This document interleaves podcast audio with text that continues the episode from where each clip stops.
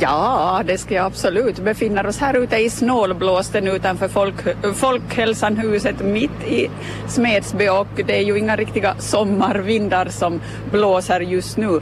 Men det ska handla om de promenadguider som presenteras idag promenadguider som gjorts upp av Folkhälsan och framförallt av personer från Resurspoolen. Här står jag tillsammans med projektledare John Nordblad och Christer Holm från Resurspoolen. God förmiddag! God förmiddag. God förmiddag. Blåser kallt idag? Nåja, lite. Lite blåsigt. Men hör ni promenera, det kan man göra oavsett vädret? Ja, utan vidare. Det, det blir nog, det ändrar nog en. Vi behöver vara rädda här inte. Det är inte bestående. Nej. Men hörni, det kan ju ibland oavsett vädret vara lite svårt att få folk att komma ut och röra på sig. Då har ni gjort de här promenadguiderna för att hjälpa till.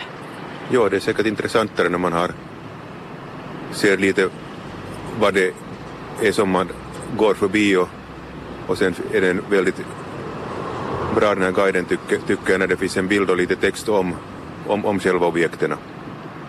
För rent sådär konkret så promenadguiden det är ett, ett litet häfte eller ganska stort häfte egentligen och så finns det bilder på de platser man passerar och, och som sagt en historisk beskrivning. Hur, hur har ni valt ut de här platserna måste jag ju först fråga.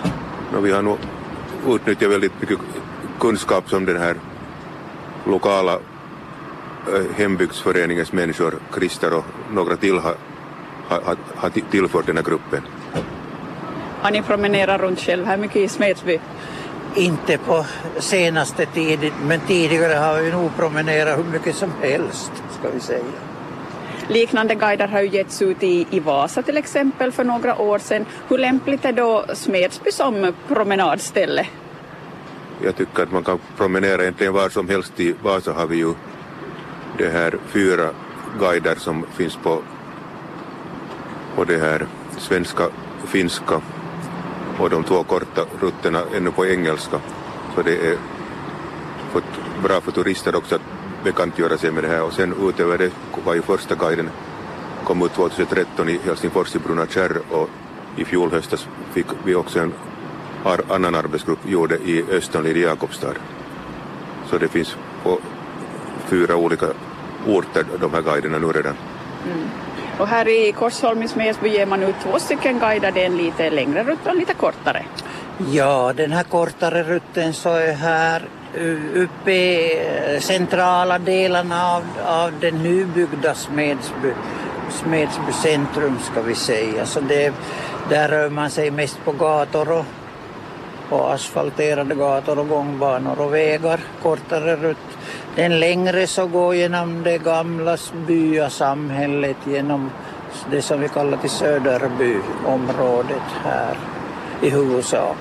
Och den är ju då över fyra kilometer lång, den rutten. Och där eh, som man ser på de där eh, fotona och bilderna där och kartan så är det, det är ju, man ser hus och, och saker från olika åldrar tidigare i tiden. Här uppe vi, där vi är nu så är det ju bara nya hus så att säga.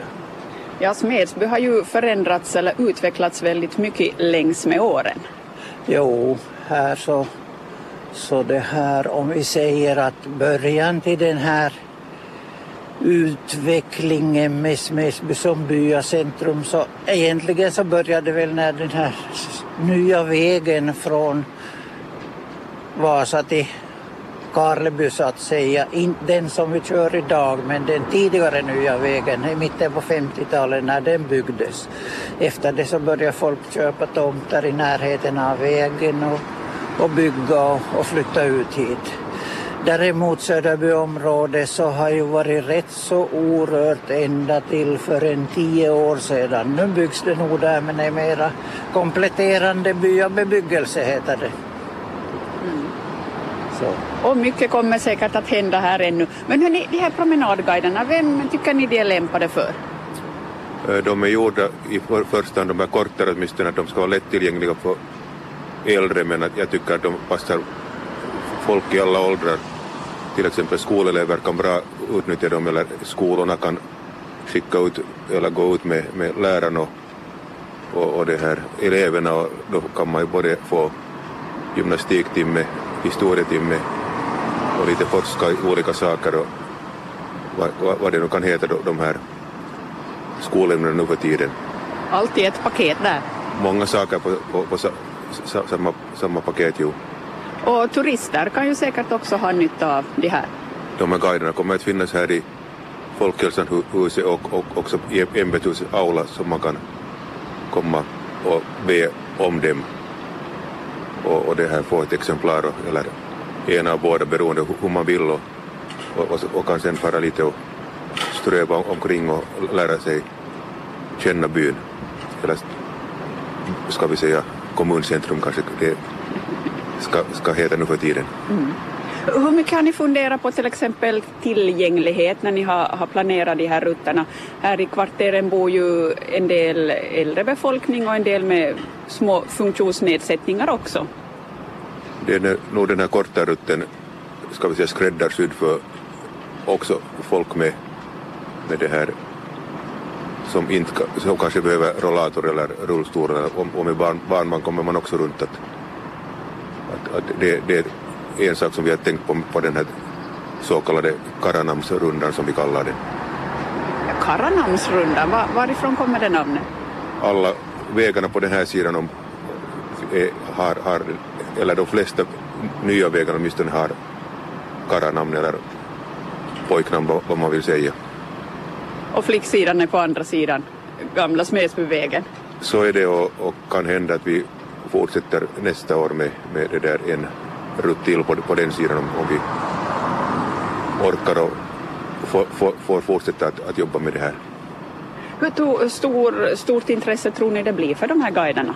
No, vi tror nog att det ska bli rätt stort intresse faktiskt för om, om man får säga det själv så är ju guiderna nog väldigt välgjorda och intressanta att se på och läsa fast man ska gå ut och gå heller så kan man titta i dem. Så nu tror vi att det blir intresse för dem utan vidare. Mm.